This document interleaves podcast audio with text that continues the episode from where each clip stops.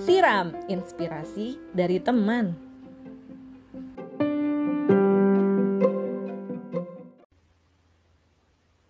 Halo Cibi.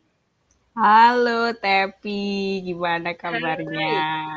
Baik, alhamdulillah. Kamu gimana, Cip? Alhamdulillah sehat di sini. Alhamdulillah. Sekarang di Australia. Mm-mm, kebetulan di sini, kebetulan. Di di mana tuh kotanya? Di Melbourne, di Melbourne. Oh, Melbourne ya. Oke. Nah, jadi teman-teman, welcome di episode kali ini kita kedatangan tamu yang baru lagi nih. Kali ini namanya Nindi Sabrina, teman-teman. Kalau aku sih manggilnya Cibi ya. Nah, pastinya kan teman-teman pengen kenalan lebih dekat ya. Siapa sih Nindi Sabrina ini? Nah, oleh karena itu nih, aku kasih kesempatannya ke Cibi. Silahkan Cip, kenalan dulu nih kita. Oke oke, uh, halo teman-teman semua, uh, perkenalkan namaku Nindi Sabrina, jadi itu nama formal gitu ya. Jadi kalau aku sama Tepi ada panggilan khusus karena kita sama-sama teman SMP ya Tepi ya? Betul. Uh, SMP, SMA bareng, jadi itu. Terus kalau kesibukanku sekarang aku lagi ambil PhD di Monash University di Melbourne kerjaanku dosen di Jakarta. Terus aku oh banyak ya kerjaannya. Aku Nggak juga ya. ini promosi sekalian ya. Aku juga punya apa-apa. online shop gitu ya. Aku punya online Boleh. shop. Di-mention juga nggak apa-apa online Oke shopnya. ya.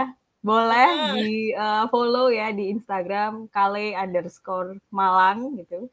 Kalau ada yang cari-cari. Oke. Terus aku juga content uh, creator di TikTok untuk uh, apa ya tentang edukasi gitu ya. Terus udah sih kayaknya gitu aja ya. Oh, sama ini ya uh, mungkin yang pengen tahu uh, keseharianku waktu kuliah bisa juga follow Instagram aku di Sabrina Nindi. Gitu. Oke, thank you Nindi. Gitu. Aku jadi kebawa ya Nindi ini manggilnya. Jadi formal. Jadi formal ya. Thank you Cip. Nah, seperti yang teman-teman dengerin ya. Tadi kan banyak banget tuh ya yang disebutin ya. Lecturer ada, kemudian content creator ada gitu kan. Nah, mungkin intronya nih. Sebenarnya kamu tertarik sama semua atau gimana nih Cip ceritanya nih? Eh, jadi ceritanya kalau misalnya kita ngomong tertarik gitu ya. Heeh. Kayaknya kalau pekerjaan kita ngomongin kerja itu nggak nggak semua orang bisa menemukan yang kayak ikigai gitu loh kalau pernah denger. Tahu nggak? Yes, mengerjakan sesuatu yang kita suka tapi kita dapat uang juga gitu. Itu menurutku fantastik banget sih orang yang bisa mendapatkan itu gitu. Mhm. sementara aku sih belum menemukan sampai tahap itu. Karena eh, pekerjaan sebagai dosen mungkin beberapa orang bakalan sangat suka gitu ya. Tapi aku sejujurnya aku nih orangnya intro, introvert gitu ya. Jadi kalau ketemu mahasiswa me- meskipun aku suka berbagi ilmu tapi energiku Mhm. cukup terkuras habis gitu. Kalau habis ketemu orang ngasih eh, konsultasi mereka atau apa itu cukup habis. Jadi untuk sebagai dosen aku eh, suka karena dapat eh, uang juga dari situ dan aku bisa berbagi. Tetapi kayak kurang aja gitu. Kalau misalnya eh, cuman ber apa berlandaskan pekerjaan itu aja. Jadi aku pengen em, menyalurkan energiku yang lain gitu Mhm. ke mana nih gitu. Jadi aku pilihnya kayak oh aku lebih suka kayaknya jadi content creator. Seru juga ya punya temen-temen yang lebih luas yang nggak ketemu itu itu aja. Jadi gimana tuh intinya Oke, nangkep, nangkep. Tapi jadi kayak Mm-mm. kamu butuh channel itu tadi ya, di luar memang dari apa yang kamu kerjakan utamanya itu tadi, gitu ya? Jadi dibilang suka ya suka semua, tapi dalam tahap khusus kan kita pasti eh, capek ya, bosen, dan kita butuh eh, pengalihan energi ke lainnya gitu loh. Biar semuanya Betul. itu berjalan dengan baik tanpa mengeluh gitu ya. Misalnya kan kalau kita Mhm. kerja kerjaannya itu aja itu kan bakalan, duh capek ini lagi, ini lagi tiap hari ini Yes. lagi gitu kan. Heeh. gi- gimana caranya biar kita nggak ngeluh gitu? Ya kita lakukan hal lain yang eh, menyenangkan gitu di sela-sela itu, itu sih. Betul. Oke, sip sip sip. Nah, terus kalau boleh balik dikit nih ke yang uh, kuliahnya mungkin ya, Cip ya. Kan kamu kuliahnya gizi ya, bener nggak? Mm-mm. Betul betul. Heeh. Gizi di Universitas Brawijaya kan. Nah, dari situ tuh kamu gimana sih, eee, berarti kan ada ilmu gizi yang kamu dapetin juga nih. Nah, itu kamu pakainya gimana nih? Apakah kamu lanjutin di S2-nya, eee, S3-nya juga atau gimana? Karena kan kalau secara job, kan tadi dosen kan, kemudian Mhm. content creator pun lebih ke educational-nya gitu, Cip. Mhm Kakak boleh Oke. ceritain dikit nggak yang tentang pergiziannya ini? Oke. Kalau, eee, aku ambil gizi sendiri tuh jujur ya, dulu tuh mamaku tuh pengen aku masuk ke kedokteran. Tapi aku Mhm. tuh sudah membayangkan bahwa, aduh aku tuh nggak cocok kayaknya jadi dokter dan untuk ke rumah sakit terus tuh nggak cocok. Jadi aku ambil yang memang masih dalam ranah medical dan aku bisa aplikasikan di diriku sendiri dan mungkin Mhm. kemungkinan itu pekerjaannya nggak cuman di rumah sakit gitu loh. Jadi kenapa, eee, aku ambil gizi. Jadi awalnya cuman kayak, wah enak juga nih kalau misalnya entar aku punya anak, eee, aku ngerti nih aku ngasih makanan anakku apa, suamiku apa, kalau mertuaku misalnya sakit, aku bisa kasih tahu makan apa gitu, sesimpel itu sebenarnya. Oke. Terus, tapi karena, eee, waktu habis lulus, itu aku melihat kayaknya aku itu pengen punya connection yang lebih luas gitu loh, Tep. Mhm. Heeh, tapi kan kalau misalnya di Malang ya, kalau kita nggak ke Jakarta itu jujur susah. Ya nggak? Yes, bener. Lingkungan itu-itu aja, orang itu-itu aja, pekerjaan pun itu-itu aja gitu. Mhm, Jadi, setuju. menurutku ambil kesempatan untuk keluarku itu salah satu caranya selain kayak aku daftar-daftar di Jakarta gitu, ya aku Mhm. keluar gitu. Keluar kan apa, cari visa untuk visa kerja itu kan susah ya, nggak nggak mungkin Mhm. segampang anak S1 dapat visa terus dap bisa kerja itu kan nggak semudah itu. Jadi salah satu jalannya itu aku ambil, eee, kuliah S2 itu, ambil gizi juga, tuh. Oke, jadi linear ya, Cip, ya, Mhm, sampai sekarang. Oke, sampai yang PhD ini ya? Heeh, gitu. Oke, jadi kalau secara akademiknya kamu memang tertarik di pergizian itu ya? Atau oleh eee, orang keren bilangnya nutritionist gitu kali ya? Ah, iya, benernya di Heeh. nutrition ya. Oke, nutrition ya, oke. Nah, pas jadi dosen itu ngajarnya tentang gizi juga ya, berarti ya? Mhm, karena aku, eee, S2-nya ambil nutrition, habis itu ketika kan aku S2 di Taipei ambil nutrition, habis itu aku pulang kan ya, pulangnya ke Indonesia itu aku dapet Mhm. link tuh gara-gara aku habis dari luar, jadi, eee, kayak link-ku tuh lebih banyak dan aku bisa kerja di Jakarta. Jadi kayaknya aku harus melewati sekolah dulu keluar baru bisa berada di lingkungan di Jakarta gitu deh. Ah, oke. iya. Ya ya ya, oke, nangkep. Nah, itu menarik tuh, Cip, dan itu aku bisa relate sih, jujur ya. Jadi Mmm. kayaknya kita ada kemiripan nih. Jadi pas aku Mmm. di Malang, aku pun Mhm. merasakan hal yang sama kan. Jadi kayak, Mmm. wah ini memang circle-nya bakal ini-ini aja, Mhm. kesempatannya ini-ini aja, tanpa mendiskreditkan Malang ya, Malang juga Iya, bener. lovely city banget, heeh. Nah, tapi setelah aku keluar nih, aku merantau, kan kerjaan aku memang di Jakarta nih pertama kali.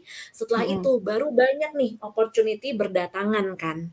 Nah, Mhm. jadi kayaknya memang topik yang pengen kita bahas di kali ini sebenarnya ya teman-teman ya, sama Cibi itu adalah tentang embracing opportunity atau kayak bahkan searching for opportunity gitu ya, Cip, ya. Bener bener. Gimana nih heeh, cara kita memang menemukan gitu loh opportunity-opportunity itu, antara kita create sendiri atau memang kita menempatkan situasi pada lingkungan itu, gitu loh.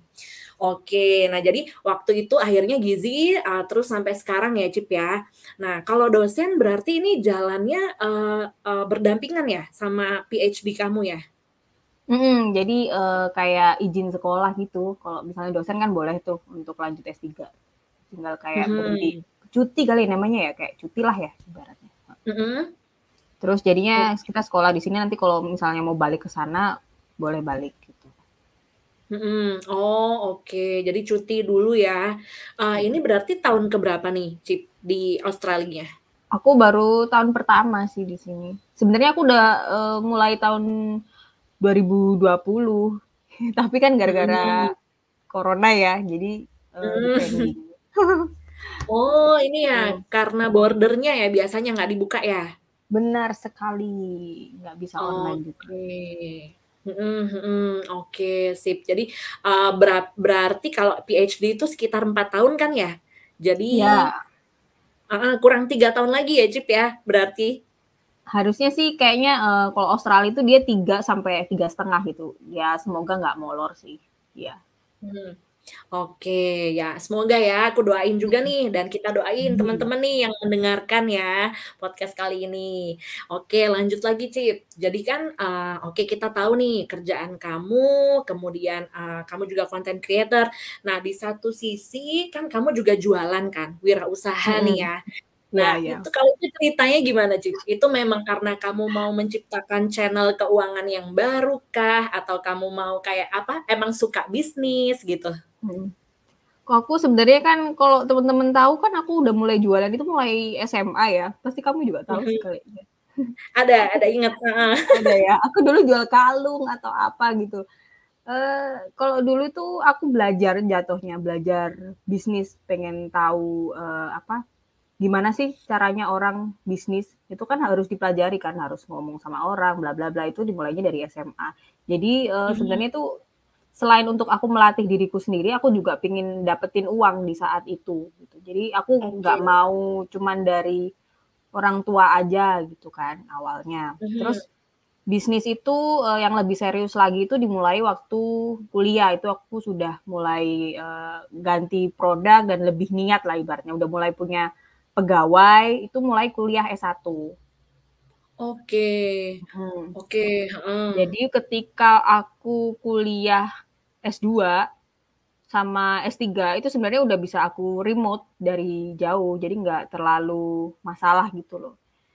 Jadi hmm. sebenarnya aku juga suka jualan karena aku berinteraksi sama orang-orang yang baru, terus belajar kayak market. Jadi kan bener-bener di luar ini kita kan sehari-hari yang bertemu dengan kegizian, terus edukasi hmm. itu kan benar-benar hmm. something yang fresh gitu loh. Dan itu uangnya itu sangat, menurut aku malah lebih gede gitu daripada uh, pekerjaanku gitu. Itu sih okay. karena udah merasa apa ya pegang duit ya kata orang biasa pegang hmm. Dan dari Bener. duit itu aku bisa kayak les IELTS. Jadi mulai TOEFL, les IELTS yang buat persiapan beasiswa itu aku bayar sendiri. Jadi ada kayak kebanggaan diri sendiri gitu loh, Teh. Iya sih, pastinya sih, hmm. pasti bangga banget, uh-uh. Dan ini Cik, biasanya orang ya ketika udah ngerasain megang duit, mereka tuh jadi males nih akademiknya kan, kayak, "Ya udahlah aku kerja aja," gitu kan. Nah, tapi kayaknya ini bukan case-nya kamu ya. Kalau di case-nya kamu, kamu udah pegang duit iya, akademiknya jalan juga nih, Cik. Karena iya sih, aku pernah denger kayak gitu dan dan sempet dibilang kayak gitu gitu loh, itu kayaknya malah jadi pecutan juga gitu buat aku alah masa sih? Hmm. jadi aku pengen hmm. buktiin juga ini loh ini aku bisa loh buka bisnis. Ini loh aku bisa sekolah bahkan sampai S3 aku pengen ngomong itu juga sih sama orang itu. Yes. Tapi nah iya. sih nggak apa-apa dan emang itu kayak inspiratif banget sih jujur ya, karena kan memang orang itu cenderung kayak salah satu aja gitu kan Cip ya, kalau kerja kerja, wirausaha wirausaha, uh, kalau mau belajar ya belajar aja gitu kan. Nah mm -hmm. kamu salah satu orang yang kayak embracing semuanya gitu Cip, iya, jadi tiga-tiganya jangan.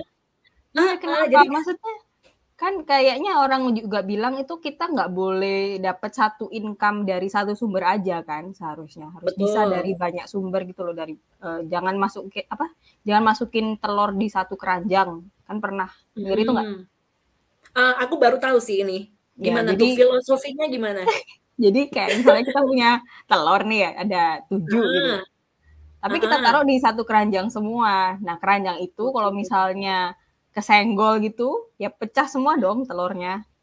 Ah, oke, okay, ah, oke okay, paham. Gitu.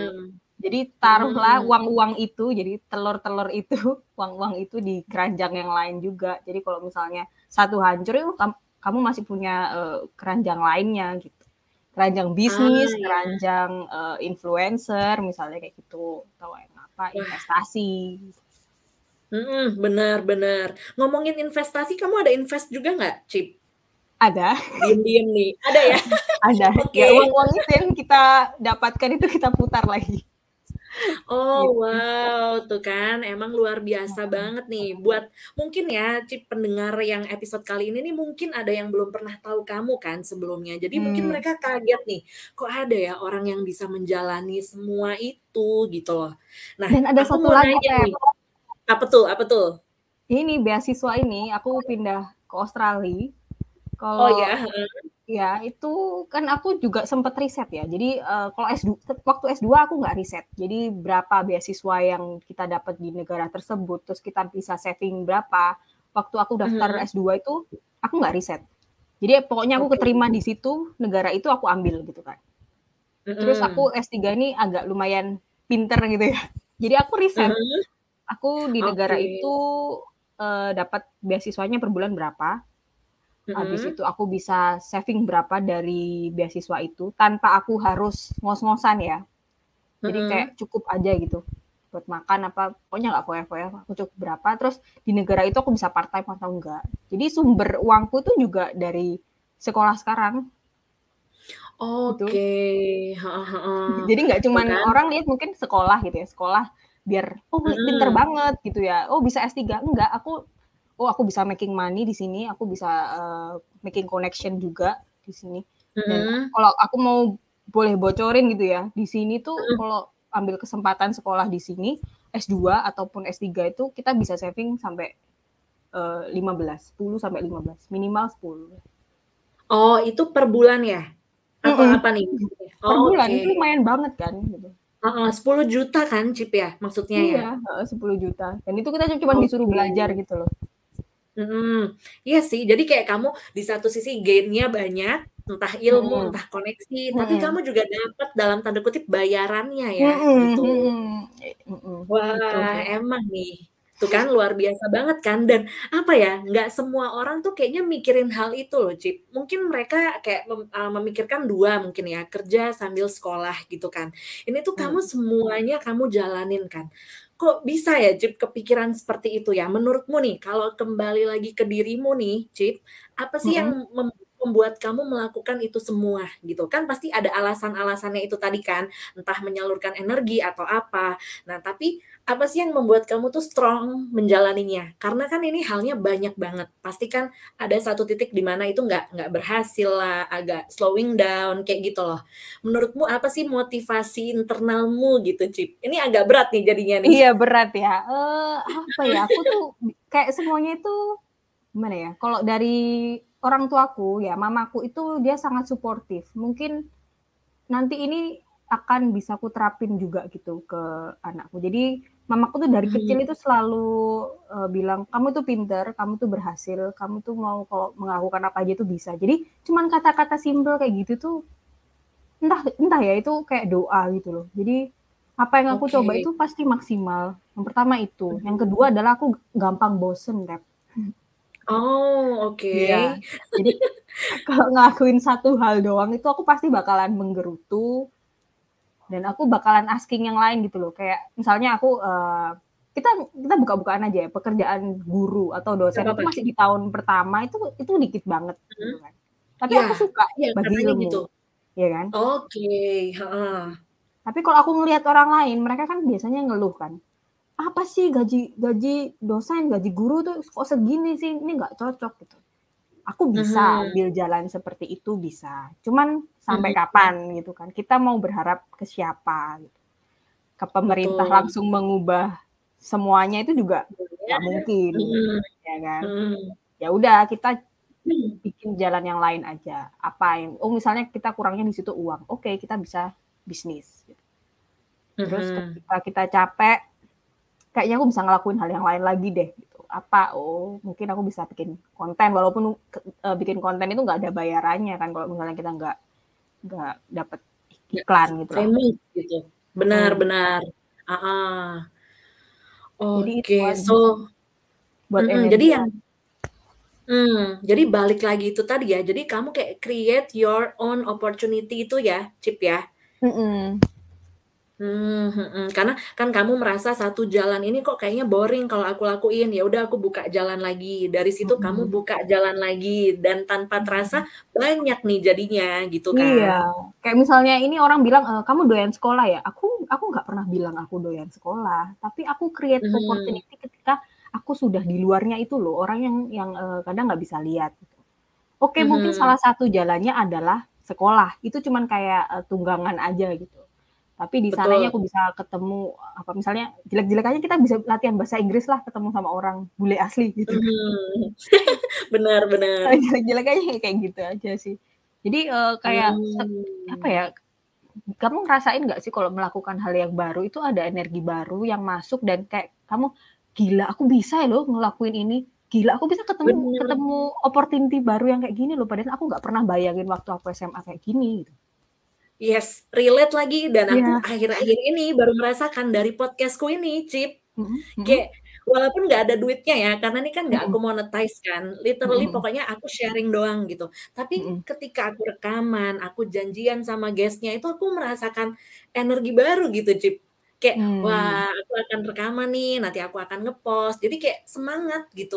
Jadi kayak Mhm. I get the idea sih, heeh Terus ini waktu, eee, kemarin aku S2, aku tuh kan Heeh. iseng ya bikin aku bikin vlog. Bikin vlog itu cuman bukan buat, eee, menghibur orang gitu, bukan. Emang aku pengen punya rekaman aja ketika aku naik S2, nanti kapan-kapan aku bisa lihat Mhm. lagi lagi gitu. Aku juga Yes. nggak tahu tuh kenapa ada orang yang perusahaan di Taiwan itu, eee, orang. Indo yang dia punya perusahaan kayak online shop di Taiwan cukup gede, dia ngelihat vlogku waktu S2 itu. Dan aku dari Mhm. situ ditawarin suruh bikin konten perusahaannya dia dan aku suruh jadi presenternya juga. Itu kan kayak, wow, aku nggak menyangka Wow. loh aku itu juga Iya. kan kayak gitu-gitu tuh kayak, Wah. mmm, jadi nagih Heeh. gitu. Jadi kenapa kok nggak nyoba aja ya gitu yang baru-baru yang lain. Jadinya dari situ, oke lah kita coba ini coba ini coba ini gitu. Bener bener, setuju banget. Jadi itu membuka jalanmu ke hal-hal yang lain gitu ya, yang even Mhm. bisa, apa ya, membawa berkah yang baru bagi kamu gitu ya, Cip, ya. Nah, Mhm. terus tadi kan kamu nanya, kenapa gitu kita nggak membuka jalan lain? Kayaknya aku tahu nih kenapa nih, mostly, eee, kenapa Mhm. dari kita nih nggak ada yang kayak kamu gitu, Cip. Karena kita itu nggak ada keberaniannya. Kita kayak Mmm. takut, kita nggak pede. Jadi, Mmm. Pas dengerin kamu ngomong tadi, satu hal yang aku tangkep sih, Cip, ya, kayak you Mhm. have the bravery gitu. Kamu punya kayak, Mmm. ya nggak apa-apa gitu, aku kayak sekarang bosan menjalani, ya udah aku bikin konten aja, ya udah aku apply aja S2. Jadi kayak kamu tuh punya bravery Mmm. untuk memulai sesuatu yang baru. Sementara dari kita mungkin ya, Cip, ya, kebanyakan kayak, "Ah, enggak ah," gitu, takut gitu kan, "nan nanti kalau aku apply S2 kayaknya nggak keterima deh, nanti kalau aku wirausaha kayaknya gagal deh." Jadi kayak start-nya aja belum gitu, start-nya aja Mmm. nggak berani, nggak mau gitu loh. Jadi ini kayaknya yang perlu di-highlight dari kamu deh, Cip. Jadi kamu awalnya iya tuh berani banget. Nyadar nggak sih Mungkin atau kamu baru oh nyadar iya sekarang? ya. Iya ya, aku pikir-pikir sih gitu ya. Eee, ini Iya. kali ya, eee, dukungan orang tua sih mungkin yang yang Mmm. pertama ya, itu privilege sih menurut aku. Nggak semua orang itu Oke. bisa dapet kayak gitu. Heeh. Ada juga kan yang misalnya, "Alah kamu yakin daftar itu?" Ada orang tuanya yang kayak gitu kan. Nggak Mhm, aku nggak menyangka gitu. Terus ada Yes. juga yang lingkungan temen, ya kan. Temen itu ada juga loh yang nggak suportif, kayak misalnya kita coba jualan aja deh gitu ya, jualan risol ya. Orang-orang kan sekarang, eee, anak-anak sekarang itu pada kayak membuli, "Oh kamu jadi danus Iya. ya? Nanti kamu jual risol ya?" Itu kan sebenarnya mereka lagi bullying kan, mencoba, eee, merendahkan ini ini ini kasus di bagian anak-anak kuliah sekarang ya. Mereka jadi Mhm mhm. danus terus, eee, jualan risol, terus ada yang bilang, "Oh jangan jadi danus, kamu itu cuma jualan risol doang," kayak gitu-gitu. "Nanti itu nggak laku," kayak gitu-gitu. Itu kan udah merendahkan Mmm. teman sendiri. Itu sebenarnya yang, eee, Mhm. lingkungan-lingkungan yang kayak gitu tuh toxic kan. Itu kayaknya pengaruh juga Bener. sih menurut aku. Yes, iya sih. Oke, jadi kamu tuh, eee, dapet privilege-nya berupa support system yang sangat mendukung kamu itu tadi ya, sebenarnya ya? Mhm. Iya, sampai Oke. mungkin, eee, setemen-temen sampai kuliah pun itu alhamdulillahnya aku tidak ditemukan sama circle yang seperti itu, gitu. Atau mungkin aku yang Mhm. menghindar kayaknya ya. Mhm, mungkin kombinasi nih. Iya, kayaknya. Iya. Oke. Berarti kalau ngomongin orang tua, kamu deket ya, Cip, ya, sama orang tuamu ya? Itu lebih ke bapak Mhm. atau ibu nih, Cip? Ke ibu ya. Kalau ini Mhm. curhat-curhat gitu biasanya ke mama. Mhm, oke, ke mama ya berarti. Mhm. Berarti mamamu sangat mendukung banget gitu ya. Every time kamu kayak mau start, eee, journey yang baru, kamu selalu cerita ya berarti ya? "Ma, aku Mhm mau coba mhm. ini," gitu. Mhm. Oke, dan mamamu kayak, "Oh ya udah, eee, lakuin aja, coba aja," kayak Mhm, gitu ya pasti berarti? bisa pasti bisa gitu. Padahal cuman kayak bilang gitu tuh kayak jadi energi yang paling ini sih, Iya berharga buat sih. aku. Iya iya iya, aku dapet sih gambarannya dan kamu kan bilang tadi di awal kan kalau mamamu ini ngomong kan kayak, eee, bahwa kamu bisa melakukan semuanya. Kayaknya tuh masuk, eee, jadi sugesti kamu tuh, Cip. Kayak you can Iya. do anything, kemudian setiap buka jalan baru kamu dibilang, "Kamu pasti bisa." Jadi kayak, ya itu, eee, backup-mu itu gede banget. Udah gitu kan aku Iya. yakin mamamu kan pasti mendoakan kan. Jadi, Iya. dukungan dapet, restunya juga dapet, gitu. Itu sih. Itu privilege yang tidak semua orang dapat sih. Jadi nggak nggak harus duit ya, nggak harus jabatan, harus apa, tapi kayak support system kayak gitu sangat berharga. Bet betul betul. Nah, ini kan sekarang kita kan umurnya kan udah nggak muda lagi ya, Cip, ya. Maksudnya udah ya kita Iya. udah mau kepala 3. Iya. Nah jadi, eee, kenapa sih aku mention umur, karena kan ya pasti kan kita grow terus ya, bertambah terus Mhm. usianya. Mhm. Kira-kira gimana nih, Cip, menurutmu apakah at some point kamu akan berhenti atau kamu akan terus melakukan ini atau mungkin nanti beberapa harus dikurangin kayak gitu? Ada Mmm. gambaran masa depannya nggak sih? Heeh. Kalau aku sih emang karena aku sudah memprediksi aku ini agak jompo ya. Oke. Jadi aku tuh sudah mikir, jadi kayak dari umur 20 tuh aku mikir, kalau aku umur 30-an, kalau aku udah punya suami, punya anak, eee, terus ya pasti mau nggak mau tuh energi perempuan itu kebagi gitu, semakin kebagi. Kita bisa jadi apa aja, gitu kan. Mhm. Tapi Mhm. nggak bisa semuanya kita kerjakan sama-sama, gitu. Betul. Jadi sebelum usia 30-an itu datang, aku makanya sekarang tuh lagi berusaha ngejar yang apa aku mau gitu loh. Jadi aku sudah feel content, sudah cukup, jadi aku nggak akan menargetkan apa-apa sama orang lain juga. Gitu sih. Mhm. Jadi apa ya, jadi lupa deh pertanyaannya. Iya, itu tadi, eee, maksudnya nanti kamu akan, eee, apa namanya, melanjutkan Oh, semua iya. ini kah? Atau nanti kamu akan, eee, stop beberapa, kayak gitu? Stop Karena kan energinya beberapa. nggak sebanyak eee, iya Mhm. nggak akan oke, stop bera eee, sorry, stop beberapa berarti ya? Iya, yang yang, eee, yang misalnya udah keganti sama ngurusin anak bla bla bla, itu pasti kan, apa, ngabisin waktu banget kan. Jadi itulah kenapa aku nggak nggak nggak mau kayak, eee, compare-in aku sama orang lain yang punya anak kan. Kan umur kita nih Mhm. sekarang-sekarang ini udah pada punya anak gitu kan. Banget, Heeh, kan. heeh. Terus ada misalnya orang itu, eee, bilang, "Kamu kapan punya anak?" Gitu. Aku nggak mau compare diriku sama mereka, karena aku tahu aku tidak akan bisa melakukan semua ini menjadi Mhm. Nindi Sabrina yang sekarang kalau misalnya aku misalnya punya anak gitu dan, eee, ngurusin yang lain-lain. Jadi ya harus tahu ya, tahu harus tahu fase dan kejompoan masing-masing sih, Tep. Kalau Kejompoan misalnya ya? heeh, maksudnya Heeh. kalau kita merasa nggak sanggup, ya udah nggak apa-apa gitu. Jadi umur 30 Oke. aku prioritasnya mungkin ya, di Mhm. eee, udah beda gitu. Oke, ya. seaktif sekarang. Mhm, jadi lebih ke ya itu ya, akhirnya kamu drop beberapa karena kamu mau memprioritaskan ke 1, 2 hal yang bener-bener kayak penting gitu ya? Mhm. Oke oke. Nah, ini kan berarti, Cip, kalau dari semua ini kan gini, kan orang itu sering ngomongnya kalau kamu nggak belajar 1 hal sampai kayak deep, berarti kamu bukan expert dalam bidang itu, gitu kan. Nah, Mhm. Kalau kamu kan ini kan saking banyaknya, kan akhirnya kamu harus kayak pindah-pindah kan, maksudnya ya Mhm mhm. multitasking gitu kan, aku wirausaha Mhm. iya, ini iya, gitu kan. Ada nggak sih perasaan kayak, wah kalau apa ya, ada ingin mendalami ke salah satu Mmm. hal nggak sih, Cip? Heeh. Mmm, oke. Eee, even we are expert itu kita nggak expert juga loh. Mhm. eee, gimana ya, kalau misalnya aku sampai S3 gitu ya, S3 Mhm. orang mikirnya itu aku tahu segalanya. Padahal semakin Mhm. S3 itu kamu itu bakalan cuman tahu fokus 1 hal. Misalnya kayak Mhm. dokter, dokter Yes. kandungan, ya kan, Yap. kandungan doang yang dipelajarin gitu kan. Kalau Betul. ditanyain masalah, eee, gizi ya mereka tahu, tapi nggak terlalu dalam gitu loh. Mhm. Jadi menurutku itu yang namanya kita nggak akan bisa satu eks expert satu, eee, hal pun karena ilmu tuh luas banget dan kita itu harus belajar itu sampai meninggal gitu kan, Tep, menurutku. Betul. Banget Jadi setuju, menurutku iya, jadi nggak bisa sih. Pengen expert tapi nggak bisa, nggak bakalan bisa gitu.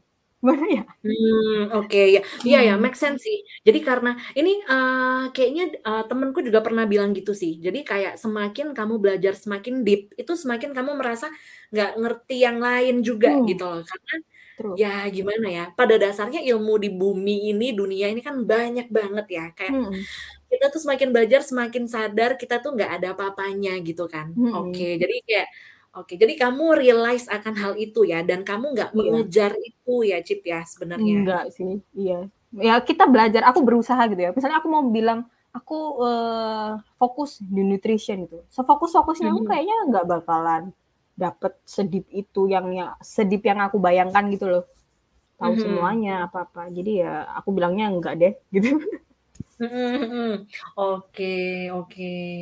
Nah, kalau di luar semua hal ini sebenarnya seorang Cibi itu masih pengen learning hal yang baru lagi nggak sih? Pengen nambah lagi nggak sih, Cip? Eee, aku masih jelek di komunikasi, kayak misalnya sekarang gitu ya, ngomong masih Mhm. belepotan, ngomong ketemu orang itu masih belepotan. Itu sih communication. Jadi kenapa aku bikin, eee, channel yang di TikTok buat edukasi itu sebenarnya semata-mata untuk ngelatih public speaking-ku yang masih hancur, gitu. Mhm. Dan ini Oke masih belajar. oke. Heeh, jadi lebih ke komunikasi ya? Mhm. Betul. Oke oke. Ada lagi mungkin yang kayak mungkin kadang orang kan, "Oh aku juga mem pengen memperbaiki agamaku," atau apa gitu. Ada nggak sih hal-hal yang di luar duniawi mungkin? Oh, iya. Iya kalau agama pastilah ya. Aku malah Mhm. kalau keluar ini merasa lebih dekat sama Tuhan. Oh wow, oh ya S2. itu kita belum bahas tuh. Di Iya. Australia. Heeh, waktu aku Gimana S2 gimana? pun. Jadi kan, eee, aku S2 di Taipei. Itu pun, Heeh. eee, kayak ikatan keagamaannya itu apakah, eee, apa ya, semakin erat gitu loh. Karena mungkin kita merasa kita di dunia yang luas ini, deng di tempat yang baru ini, yang kita nggak tahu orang baik atau jahat, kita cuman punya Tuhan, ya nggak? Mhm. Punya Allah Mhm. gitu. Jadi aku tuh Yes. kalau misalnya di luar waktu yang S2 kemarin itu, bisa aku tuh sholat di MRT. Di Mhm. lorong-lorong MRT, terus sholat di, eee, kayak apa, tempat, eee, changing diapers itu loh, diapers bayi-bayi itu. Ah, ini ya, iya iya. Nah. Apa ya Ya, namanya, coba tahu sih, apa nursery ya, eh bukan ya? ya, nursery ya, nursery room, betul betul betul. oh ya nursery room, benar, heeh. heeh. Bisa aku sampai kayak gitu. Terus ketika aku pulang, habis S2, itu kan ke Jakarta tuh ya. Heeh. Itu kayak kayak entah kenapa itu rasanya kayak kurang gitu. Jadi kalau misalnya, oh masih bisa sholat di rumah, ya udah di rumah aja gitu. Itu salah satu contohnya Oh. sih. Terus kayak tiap minggu atau tiap bulan itu kita di luar itu selalu ada pengajian, entah itu di Taiwan, entah itu di Australia itu dua-duanya kayak gitu. Mhm. Jadi kayak merasa lebih deket malah. Aneh. Mhm. Oke oke oke. Tapi Mhm. emang iya sih, ada yang bilang kayak gitu juga sih, semakin kita dihadapkan sama situasi yang sulit, kita tuh semakin Mhm. kayak pengen ngelakuin gitu loh. Tapi ketika semua kemudahan itu ada, kita jadi, "Ah males ah," gitu. Mhm. Jadi Kalau di sini mau pegangan sama siapa sih, Tep, sendirian kan. Bener, iya iya, apalagi kita kan perempuan ya, walaupun kita nggak mendiskreditkan ya, tapi kayak, ya perempuan gimana-gimana kan lebih sensitif daripada cowok gitu loh. Mhm mhm. Jadi harus menjaga diri juga gitu loh. Mhm mhm. Oke oke. Nah, ngomongin ini nih, luar negeri ya, Cip, ya. Udah ke mana aja sih sebenarnya? Boleh diceritain nggak sih journey-nya? Kayaknya udah banyak banget tuh di-highlight Instagram tuh kalau aku lihat kan, ada Filipina gitu. Ceritain dong nih, heeh. Iya, aku, eee, aku tuh sebenarnya ke luar negeri tuh, ya mungkin karena merasa di Malang terus ya, Tep, dari kecil sampai kuliah. Jadi kayak semacam ada dendam gitu, masa sih aku tuh dari kecil sampai gede itu di Malang terus gitu. Heeh heeh, paham Terus aku banget sampai sih itu, heeh. iya kan rasanya tuh bosen banget, jenuh gitu. Pengen nyoba, eee, lihat keadaan di luar seperti apa, ketemu orang seperti apa. Jadinya aku, eee, coba jalan-jalan gitu. Nah itu aku ngumpulin duitnya tuh dari ini, dari aku bisnis itu, dari SMA itu. Jadi nggak ada uang orang tua sama sekali. Luar biasa, sekali lagi. Mhm. Aduh, iya, terus terus? Ya itu untuk membayar ituku sih, membayar, "Kamu bisa kok ini, eee, apa, sekolah sekolah jalan, eee, bisnismu jalan." Mhm. Aku cuman itu. Jadi kan kita bentuknya apa, ya bentuknya aku buat senengin diriku sendiri aja jalan-jalan, eee, lihat keluar gitu. Ke mana Mhm. adanya Mhm. masih nggak nggak terlalu banyak sih sama teman-teman lainnya. Kalau teman-teman yang udah ke Europe itu kan pasti mereka bisa ke sebelah-sebelahnya kan. Bener, nggak apa-apa nggak apa-apa nih. Nggak apa Kalau ya? yang kamu pernah aja heeh, itu aja kayak buat orang yang nggak pernah ke luar negeri mungkin kan, "Oh kayak gitu," gitu loh. New info, Iya. heeh. Di Asia standar sih apa, Singapura, Singapura, oke. Malaysia, Mhm. Thailand. Filipina. Heeh, ini aku Terus ini nih, bikin ini counter nih aku, 4 tuh udahan. sampai lupa. Apa, Jepang, Jepang, mmm oke 5.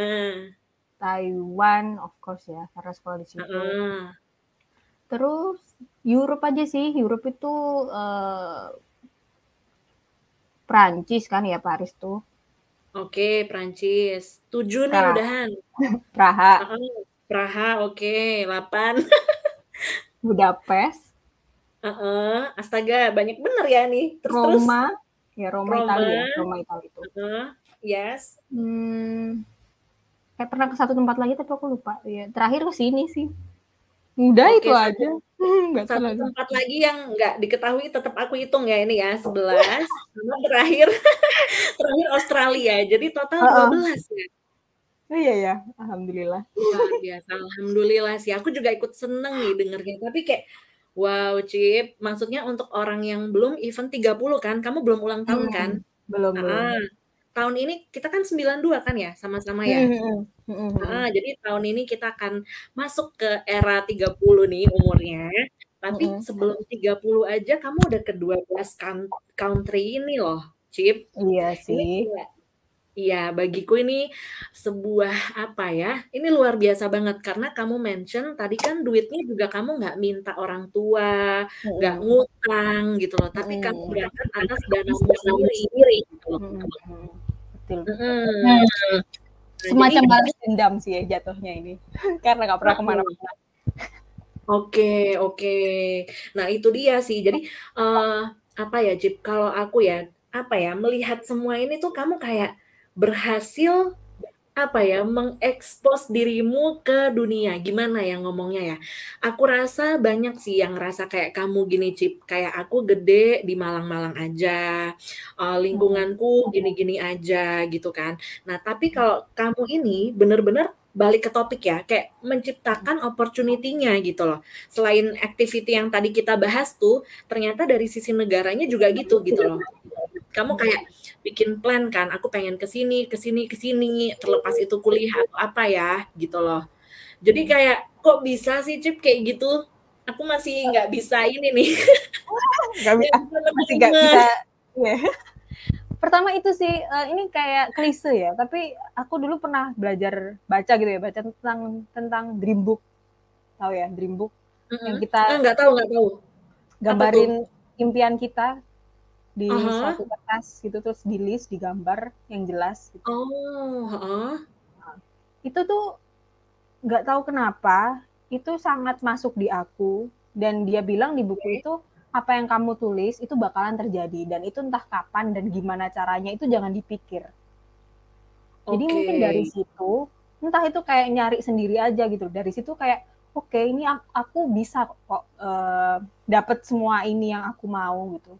Asalkan Mhm. aku nyari jalannya gitu kan, nggak mungkin kan kita diem doang tiap hari di kamar maupun, mau 10 tahun pun nggak bakalan kejadian di buku Bener itu. bener. Jadi aku coba dari cari kerja, dari, eee, apa, daftar sekolah, itu aku coba semua, dan ternyata kagetnya itu, itu buku yang aku gambarnya itu waktu SMA kali ya, SMA Mhm. kelas 1, udah Mhm. kecoret semua. Aku pengen keliling dunia, coret. Pengen beli yang apa, kecil-kecil dulu kan pengen banget punya kayak kamera, dulu kan dulu hype banget kan punya kamera DSLR kayak gitu ya, coret. Iya. Pengen beli apa yang lebih gede, coret. Udah kayak gitu-gitu, itu sangat pengaruh sih. Dream book, manifest, kalau pernah denger, eee Yes, heeh, nah baru mau ngomong. Nah, itulah. Law of berarti attraction gitu-gitu. Yes, heeh, law of attraction. Berarti kamu itu kayak manifesting ya? Jadi kamu tuh kayak udah membayangkan itu dan kamu kayak ya walaupun kamu nggak, apa ya, nggak nulis gitu, lebih ke visualisasi kan, kamu Mhm. menggambar kan, gitu loh. Dan ternyata temenan. Itu tuh kamu gambarnya kayak gimana sih, Cip? Jadi penasaran nih, agak detail ya. Apakah Iya kamu iya iya. gambar dirimu lagi di suatu kota, ataukah kamu simply gambar kotanya doang, gitu? Gambar doang sih, kayak aku, eee, aku masih inget tuh, aku gambar globe, keliling Heeh. dunia. Aku bilang gitu doang, keliling dunia. Padahal itu Oke. posisi aku di Malang SMA dan nggak punya ya ampun orang tuaku tuh nggak pernah ngajak yang misalnya keluarga lain, misalnya ke Semarang, ke Jogja, "Ayo kita liburan bareng." Orang tua nggak pernah. Jadi tuh kayak nggak nggak mungkin banget saat itu, uang pun nggak mungkin banget gitu loh, tapi kejadian Mhm. sekarang. Wah gila sih. Oh, gila sih, itu Jadi bener aku sih. percaya banget kalau misalnya ada orang-orang kayak ngayal apa, itu aku aku dukung, karena kita nggak tahu ya Mmm. kejadian. Jadi Mhm. aku nggak seberapa kaget sih. Oke Atau kan karena oh udah pernah mhm. kebayang, oh udah pernah ini, dan aku sekarang di sini, gitu loh. Kagetnya tuh Betul. karena, kok ini works ya, itu loh, kagetnya tuh karena aku gambar ini kok works ya. Tapi kalau misalnya feel feeling yang aku ke luar negeri loh akhirnya, itu aku nggak kaget, karena aku kayak sudah membayangkan gitu loh. Nggak Mhm. maksudnya? Oke, sih, yes aneh. yes, iya, kamu kayak udah Mmm. expecting it gitu kan. Jadi kalau memang terjadi ya Mhm. ya emang aku pengen gitu ya. Mhm. Oke, heeh. Ini tuh kayaknya, aduh ini campur tangan Tuhan nih, campur tangan Allah Iya. juga sih, Cip, ya. Heeh, Mmm. kayak memudahkan kamu kan, dan karena kamu udah nulis itu akhirnya ya, apa ya, jalannya tuh kebuka semua buat kamu, gitu loh. Nah, kamu ada mention nggak sih, ini jadi agak, eee, agamis nih ya, ketika kamu berdoa gitu sebenarnya kamu tuh tipe yang detail gitu nggak sih, Cip? Kayak, "Ya Allah aku pengen ke luar negeri, aku pengen ke Europe-nya," gitu-gitu. Apakah kamu kayak, "Gimana sih caranya?" Gitu loh. Oh, kalau doa yang ini sih enggak sih, cuman kalau misalnya ngayal gitu, ngayal itu detail kalau ngayal. Kayak misalnya aku sampai searching map-nya itu aku detail. Tapi kalau aku berdoa sama Allah, ya aku, eee, tolong mudahkan, eee, jalanku dan berikan yang terbaik, itu aja. Jadi aku selalu Mhm. mencoba mikirnya itu, kita kan sudah dikasih takdir ya sama Allah itu. Mhm, betul. Misalnya takdir kita itu, eee, di C gitu. Tapi Heeh. aku tuh selalu kekeh ngambil jalan yang A. Oke. Ini nggak bakalan ketemu gitu, karena aku terlalu kekeh. Mhm.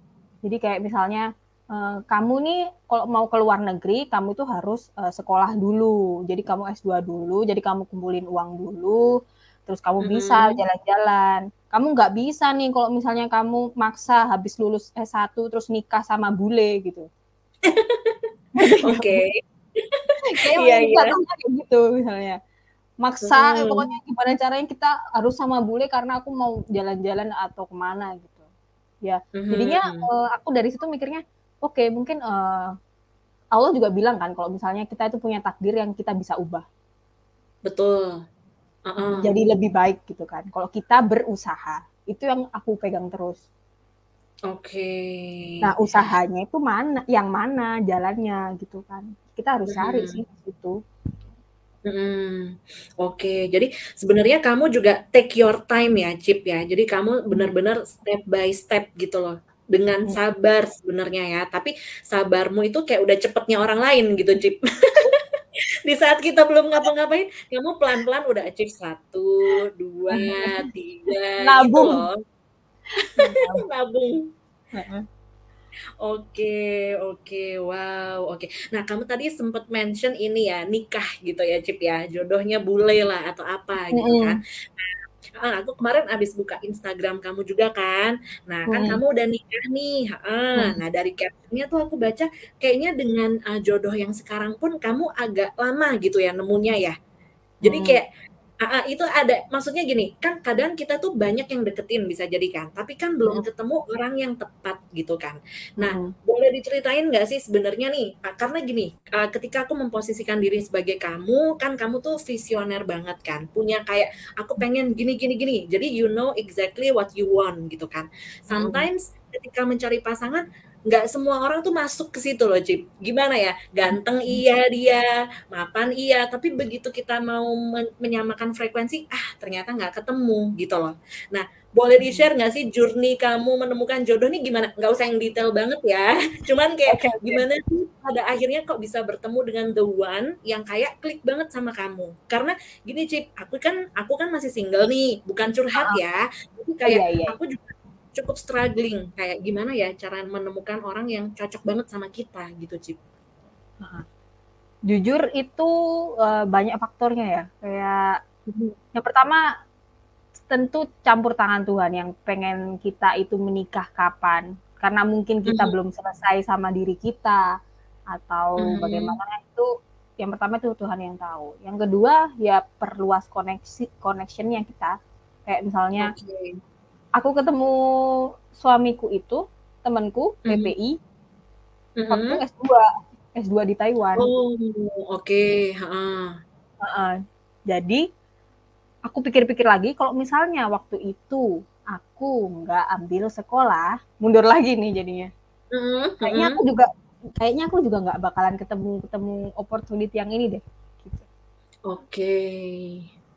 Dari situ Mhm. kenal, habis itu kan habis lulus kan masih lama kan sekitar 3 tahun, 4 tahun ternyata memang udah jodohnya ya, ya di situ. Mhm. Ta dan tergantung prinsip masing-masing sih, Tep. Kalau aku sih mending jomblo, tapi aku Mhm. tapi aku bersama orang yang tepat daripada iya, orang yang salah. Karena kita sudah banyak sekali contohnya ya dari teman, keluarga, itu kita bisa lihat lah. Betul, betul banget sih. Berarti kamu tipikal yang santai ya, Cip, ya. Let's say kamu pun sekarang belum ketemu gitu, kamu kayak ya take it easy aja ya, gitu? Mhm. Karena cuman, apa ya, menurutku partner itu kan pelengkap ya. Jadi kalau misalnya kita sudah lengkap pun, sebenarnya kita masih bisa hidup. Nah, yang masalahnya kadang orang belum merasa lengkap dengan dirinya sendiri. Nah, itu tuh. Heeh, benar. Kayak misalnya, "Aduh, aku tuh capek," yang, eee, kayak anak-anak yang suka galauan, "Aku capek, eee, biayain diri sendiri, aku pengen dibiayain." Itu kan berarti dia butuh orang Benar. untuk melengkapi dirinya yang itu ya, dalam tanda kutip gitu. Heeh. Bener sih. Dan kan karena aku TikTok-kan ya, aku juga sering kan ngelihat konten-konten dan ada analogi kayak gini nih, Cip, eee, Hmm. kalau kita nikah itu tuh benar, kitanya harus udah bahagia, baru ketemu orang lain itu untuk menambah kebahagiaan kita. Jadi Mhm. ibarat kata es krim cone, kita tuh harus Mhm. punya 1 scoop dulu nih, Cip. Kitanya udah Mhm. bahagia, dengan Mhm. adanya suami atau istri mungkin ya bagi yang cowok, itu tuh nambah scoop ice cream kita. Jadi kayak Hmm. kebahagiaannya nambah, bukan berarti itu tadi kosong gitu loh. Jadi Benar. kayak aku kayak, wow, bener juga gitu. Karena masih banyak dari kita yang kayak mencari gitu kan, aku sekarang nggak happy nih, aku harus ketemu suami nih biar bahagia gitu. Kayaknya Hmm. nggak akan terjadi juga nggak sih kalau Mhm. kitanya nggak memang happy gitu loh. Dan heeh, dan kadang itu orang mikirnya itu apa yang kita dapat, tapi kita lupa apa yang kita bisa bagi sama partner kita. Adakah yang bisa Mhm. kita bagi gitu, kalau misalnya kita kurang? Iya sih, bener juga ya. Mhm. Orang mikirnya, "Aku dapat kebahagiaan." Iya, kamu dapat, tapi partnermu dapat nggak dari kamu? Itu. Mhm. Iya sih, bener juga, karena kan itu timbal balik ya. Ya. Jadi yes yes, kita nikah sama dia karena kita mikir kita bahagia karena A, B, C, nah dia nikah sama kita, dapet nggak A, B, C-nya itu, gitu kan. Wow, bener juga sih. Oke oke. Nah, terus Cip, kan kalau aku ngelihat kamu nih so far kan, ka kayaknya kalau yang dari ini ya, sosmed ya, kayak ceria banget, penuh energi gitu, Cip. Nah, Heeh. kamu tuh ada breakdown-nya nggak sih sebenarnya? Aku tahu pasti ada karena manusia gitu kan, tapi gimana ya, kita ngelihat kamu tuh kayak happy terus gitu, Cip. Iya lah, pasti ada. Iya. Cuman Kamu ada stresnya gitu nggak sih? Oh, jelas. Gimana ya, ngerjain 1 pekerjaan aja stres gitu ya. Apalagi nih Mhm. kayak kuliah, apa apa apa. Ya ya ya pasti ada. Cuman kita, apa ya, kalau menurut agama aku pernah denger sih soalnya sama kiai bilang apa ya, kita nggak boleh ngasih tahu sedihnya kita gitu loh sama orang lain. Nggak Ah, oke. Iya iya iya, aku pernah denger tuh. Pernah denger ya? Hmm, gitu. Heeh. Terus jadi ya energi orang itu jadi ikut negatif aja kan kalau misalnya lihat kita negatif. Nah, buat apa? Buat mereka tuh nggak ada manfaatnya juga sih. Jadi mending aku memang kadang tidak bisa memberikan manfaat secara langsung kayak kita kasih ilmu terus gitu, edukasi terus apa di di, di uh, Instagram gitu. Gak bisa, hmm. tapi paling nggak kalau kita seneng gitu kan orang liatnya oh, seru ya atau kita bikin lucu-lucuan mereka ikut ketawa gitu menurutku itu salah satu cara kita membuat apa ya memberikan manfaat juga gak sih ke orang betul betul banget sih setuju receh-receh okay. aja gitu iya sih. Oke. Okay. oh wow. Jadi kayak kamu mikirnya ya buat apa ya? Kalaupun aku sedih tuh aku nggak perlu cerita lah ke orang-orang atau nggak perlu aku tunjukin juga gitu kan ya. Karena, karena ya ada, berharap ada orang yang lebih negatif juga itu mereka akan senang dan dia akan bilang negatif juga ke kita akan memberikan energi negatif juga ke kita. Misalnya kita lagi sedih nih hmm. itu orang kita ketemu ada orang yang lihat sosmed kita dan dia memang orang negatif ya dia akan bilang syukurin kapok gitu ya. Waduh. Ana ada kayak gitu kan salahnya sendiri kamu begini gitu. Siapa minta kamu begini? Itu kan orang-orang yang negatif. Nah itu kan akan menambah negatif lagi kan ke kita. Padahal kita nggak mau itu. Jadi buat mm -hmm. apa Okay. Udah berat, jangan tambah berat. Iya bener-bener banget dan itu relate sama aku sekarang karena kadang hmm. gini kita kan udah ya ini ya udah dewasa. Jadi kadang pun kalaupun kita mau cerita nih Cip, kita pengen hmm. berbagi gitu kan. Kita hmm. bingung hmm. nih ngomong sama siapa ya. Let's say aku let's say aku mau ngomong ke kamu. Tapi kan hmm. Cibi lagi sekolah, Cibi kan ada suaminya juga. Mana lah dia mikirin masalah aku doang gitu kan. Ada ada gitunya gitu loh. Jadi sometimes bingung mau cerita ke siapa gitu kan. Nah, jadi memang paling bener cerita sama Tuhan ya, sama Allah hmm. gitu loh, Cip. Benar, benar. Luar biasa, benar-benar karena ada yang ngomong Heeh, gimana? Ke psikolog ya, kalau mentok udah stres banget ke psikolog aja lah. Oh iya benar, benar. Kalau emang nggak tertolong ya, karena ke psikolog tuh kayak ya penduk penunjangnya aja lah ya. Kita tetap berdoa ke atas, tapi ini biar emosinya keluar dulu gitu kali ya. Oh iya betul. Mhm mhm. Oke oke. Wah, terus berarti apalagi nih Cip ya kira-kira yang bisa kita explore nih? Mumpung aku lagi ngomong sama kamu nih, karena banyak banget sih yang aku lihat bisa jadi teladan ya, maksudnya inspirasi buat teman-teman semua gitu loh. Atau mungkin Iya. dari kamu ada yang pengen kamu sampein nggak sih Cip, uh, ke orang-orang hmm. gitu? -uh. Kalau mungkin kebanyakan itu sekarang masih banyak yang bingung uh, kerja ya stres karena nggak nggak ada pekerjaan atau misalnya apa stres mau kehidupan selanjutnya akan gimana kayak misalnya uh, dapat quarter life crisis gitu ya yang umur 25-an. Kalau hmm. aku saraninnya sih ya kerjain semua gitu loh, kerjain semua sampai kamu dapat rezeki itu di mana. Itu aja sih mungkin pesanku sama teman-teman. Karena kita nggak pernah tahu jalan yang diridoi gitu ya diridoi Allah itu yang mana gitu. Bisa juga mm-hmm. misalnya uh, nikah dulu juga ada. Misalnya uh, emang jalannya nikah dulu itu pun nggak apa-apa. Nggak harus kamu itu ngejar karir doang atau sekolah doang itu nggak apa-apa. Jadi buat teman-teman yang merasa aku kok habis uh, lulus kuliah ini kok nikah ya? Terus nggak bisa apa-apa nggak bisa ngerjain yang lain. Itu nggak apa-apa itu memang jalanmu dari Tuhan itu kayak gitu loh. Jadi opportunity okay. orang itu nggak selalu pekerjaan dan sekolah juga. Aku cuma mau pesan itu aja sih sama teman-teman. Jadi dicoba semua aja Hmm, oke oke. Jadi jangan menyalahkan yang udah kamu uh, terima sekarang gitu ya, karena itu pasti takdir terbaikmu gitu kan. Hmm. Jadi up to you nih teman-teman buat yang dengerin ya, uh, gimana cara kamu menciptakan hal-hal yang lain gitu loh. Dan itu dia memang perlu uh, bravery itu ya perlu keberanian gitu loh. Karena kalau teman-teman nggak mencoba ya nggak akan pernah terjadi gitu loh. Atau nggak akan membuka jalan ke hal yang baru sebenarnya kayak yang, gitu. yang penting jangan nyesel aja gitu sama uh, jalan yang diambil. Mm-hmm. paling penting. Kayak yeah, misalnya uh, ada habis kuliah ya terus lanjut S2 terus ngeluh aduh gara-gara aku S2 nih aku jadi nggak nikah nikah misalnya gitu. Yang mm-hmm. yang jangan jangan gitu. Karena emang kesempatan kita rezeki kita dapat sekolah gitu loh. Orang yang nikah pun belum tentu dia juga bisa sekolah kayak gitu. Jadi kayak ya ambil aja keputusan terus uh, jangan apa jangan nyesel terus uh, pikirin aja kita nextnya mau ngapain. Mhm. Oke, ya sih bener-bener. Wah ini insight yang bener-bener bagus sih buat teman-teman semua nih yang dengerin ya, gitu. Sama ini Cip, aku ada pertanyaan sih sebenarnya, karena aku, uh, cukup relate gitu kan. Jadi kan kamu kan punya banyak, uh, activity itu tadi kan, di satu sisi kamu dosen, di satu sisi kamu TikTok apa, TikTok-an juga as a content creator gitu kan. Nah, itu pasti kan ada persona yang berbeda kan, bukan pesona ya, tapi persona gitu kan. Mhm. Jadi aku taunya Cibi yang di TikTok, aku taunya Cibi yang jadi dosen gitu.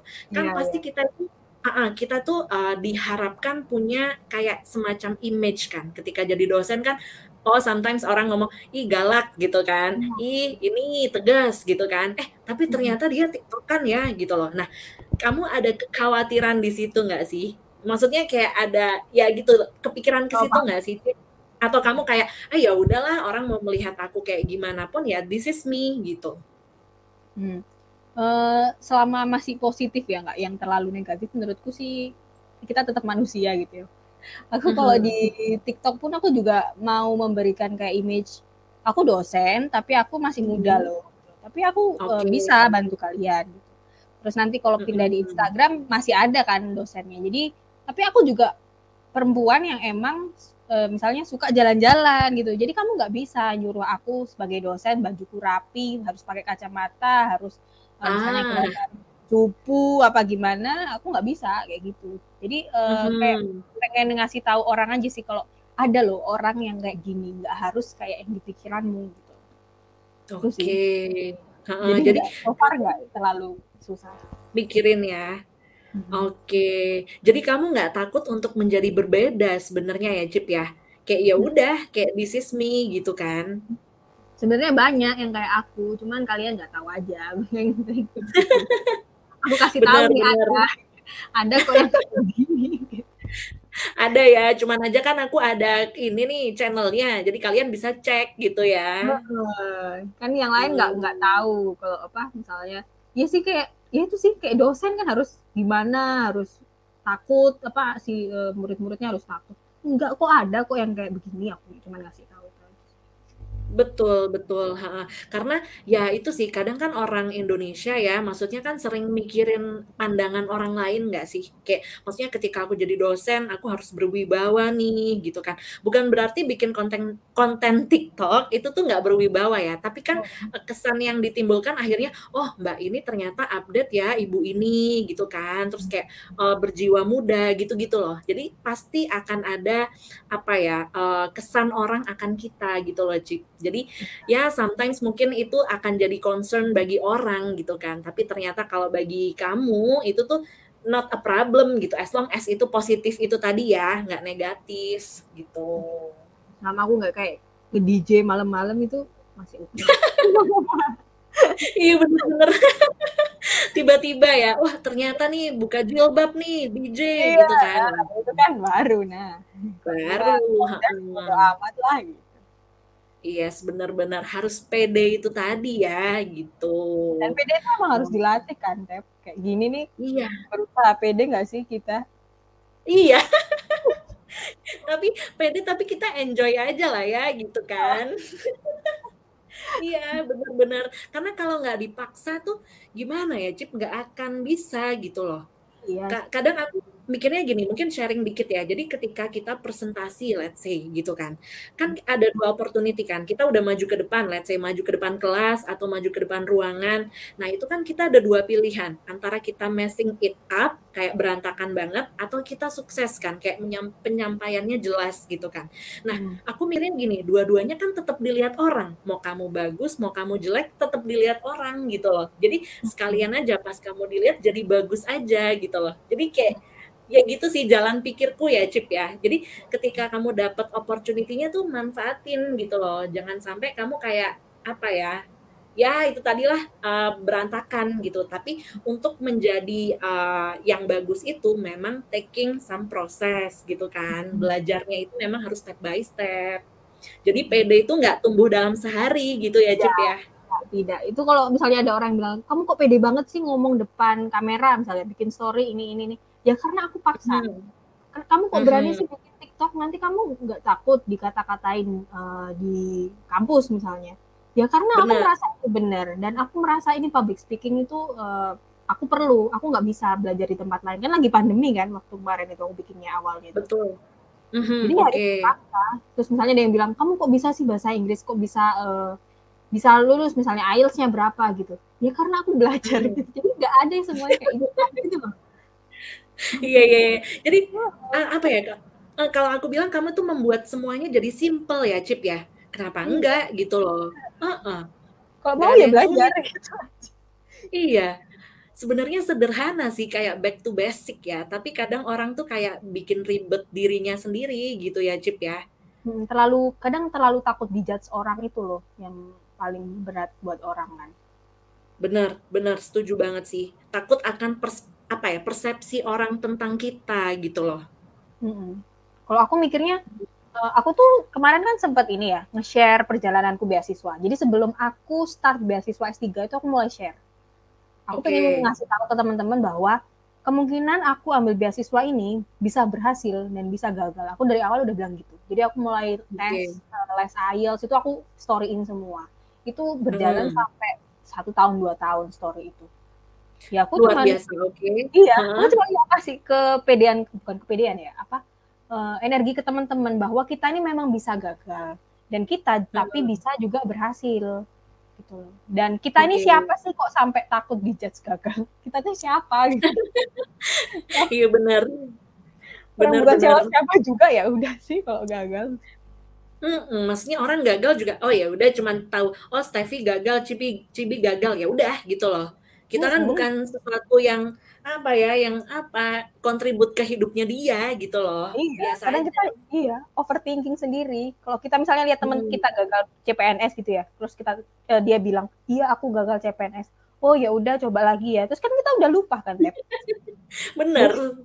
Kita nggak ngurus dia tuh mau coba lagi, kayak mau apa, meskipun kita tanya apa gitu, paling semingguan lagi kita juga udah nggak peduli gitu loh. Karena kita udah busy Bener sama hidup kita sendiri.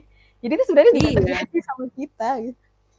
Bener banget gitu loh. Tiap orang punya hidupnya sendiri-sendiri, jadi jangan terlalu worry lah, kayak hidupmu seolah-olah kayak center of attention Iya. banget gitu kan. Jangan Heeh. kepedean. Bener, heeh.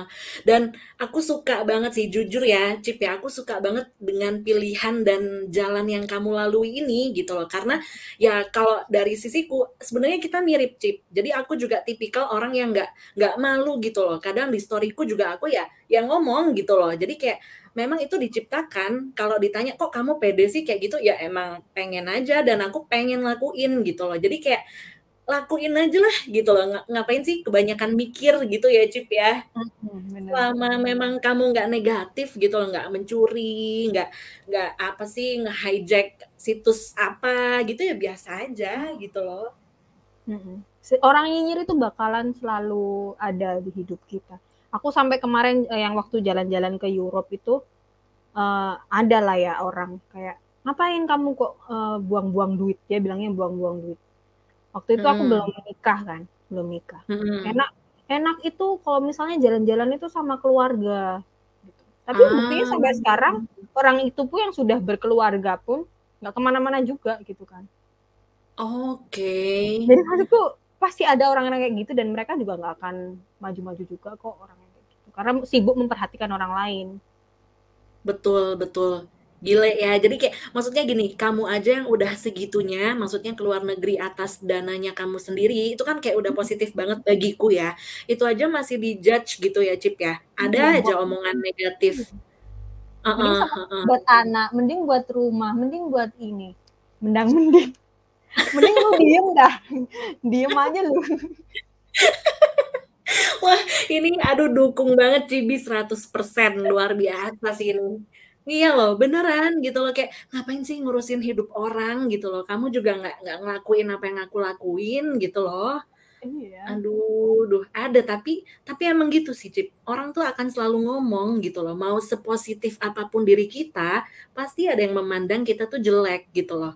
Jadi kayak bodoh amat gitu kalau kita ngikutin itu terus kan kita ya nggak akan berbuat apa pun gitu loh. Jadi be confident aja kalau emang kamu rasa itu jalan terbaik bagimu ya lakuin aja gitu ya Cip ya.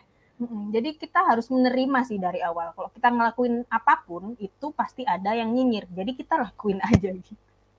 Kita nggak bisa membayangkan itu. Iya sih Mungkin kalau aku gambarin ke ini ya, uh, level yang paling rendah nih, misalnya nggak usah bikin konten TikTok gitu. Sesimpel kita mau ngupload story tentang apa, achievement atau kita kita punya gambar nih, gambar bagus, lukisan, kita upload gitu kan.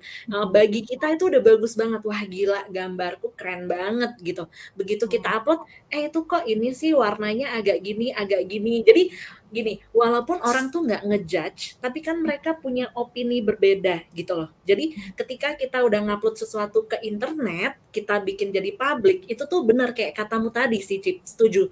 Kita harus siap gitu loh. Apa pun kata orang, orang mau nyinyir mau apa, ya terima karena itu konsekuensi dari apa yang kita lakuin nggak sih? Iya betul betul. Ya. Dan kita uh -uh. kalau perlu juga harus ini jangan diem aja gitu kalau mm-hmm. harus berani jadi oh enggak pak oh enggak memang itu mauku seperti itu bilang gitu ah oke okay. di TikTok pun banyak ya kalau kan dia bilang e, kok dosenku nggak kayak gini ya oh iya ini cuma contoh emang nggak semuanya orang kayak begitu aku bilang gitu jadi kita harus kasih kasih feedback balik juga nggak apa-apa yang mm-hmm. yang orang takut kan biasanya langsung sedih nangis gitu kan nggak usah ya iya harus kuat juga karena mereka itu kita harus tahu motifnya orang itu adalah untuk membuat kita down. Kalau kita sudah hmm. tahu motifnya dia seperti itu ya kita harus attack. Hmm, benar benar. Jadi sometimes tuh bukan hanya nggak nggak hanya diem ya. Jadi hmm. sometimes kita juga harus kayak bales gitu loh, gitu. Hmm. Karena kita tahu motifnya dia kayak gitu dan jangan dipersilahkan. Kalau dipersilahkan dia yang menang dong kalau misalnya kita sedih. Benar aku benar aku nggak mau kayak gitu. Mm-hmm, ya nggak apa-apa sih sebenarnya ya. Karena dengan kita diem sometimes kan kita membuat orang tuh punya kontrol akan diri kita kan Cip? Gitu loh. Jadi kalau kita mem- memberanikan diri untuk speak up itu kayaknya enggak kok aku emang kayak gini gitu loh. Oke, luar biasa sekali perbincangan kali ini nih. Nggak terasa nih udah satu jam loh, Cip. Oh ya? Wow. Udah ke mana-mana nggak nih? udah ke mana-mana loh padahal kayak baru mulai ya ngomong doang gitu kan iya. tapi wah aku seneng banget sih aku kayak merasa relate banget sama kamu walaupun levelnya beda ya kamu udah di 10 aku tuh kayak masih tiga gitu enggak lah sama nah Semua jadi kayak, kita berbagi ini ya energi positif Benar, benar. Nah, makanya nih aku undang kamu juga, Cip, karena benar-benar aku rasa kamu tuh contoh kayak apa ya, inspirasional lah bagi teman-teman gitu loh. Jadi dengan kamu ngobrol kayak gini kan orang-orang jadi ada gambaran, oh itu yang Cibi lakuin gitu kan. Itu hmm. sih. Jadi kayak menginspirasi karena kan apa yang kamu lakukan nggak bisa mentah-mentah orang kopi gitu kan, Cip ya. Pasti kan di-adjust ke kehidupannya dia juga kan. Tapi at least memberikan perspektif yang berbeda gitu loh, Cip. Iya betul. Hmm, oke. Thank you banget nih udah mau ngobrol di sini satu jam dan uh, ini thank you dan ini apa namanya di akhir podcast lalu aku minta satu kalimat inspiratif dari uh, guestnya nih. Kira-kira dari Tubi apa nih kalimatnya? Uh, kalau menurutku sih selama belum mendapatkan suatu kesempatan yang besar, kita bisa melakukan apa aja lah untuk membuka kesempatan-kesempatan yang baru. Gitu aja sih. Mm-hmm. Oke, jadi create opportunity yang tadi ya, yang kita bahas terus ya. Mm-hmm. Oke, siap. Uh, thank you banget dan semoga teman-teman nih bisa memetik banyak pelajaran ya dari episode kali ini ya, Cip ya. Semoga, semoga nih, ya ada yang dipetik. ada lah, ada banget. Yeah, dan iya. aku yakin banyak yang penasaran juga sih sebenarnya ceritanya kamu nih kayak gimana. Jadi hopefully aku bisa menjadi salah satu ya kayak uh, jalan gitu loh untuk sharingnya hmm. kamu gitu loh ke teman-teman Cip. Iya, makasih. Pepi. Thank you. Uh, sip kalau gitu. Sampai jumpa lagi, Cibi. Bye bye. Bye.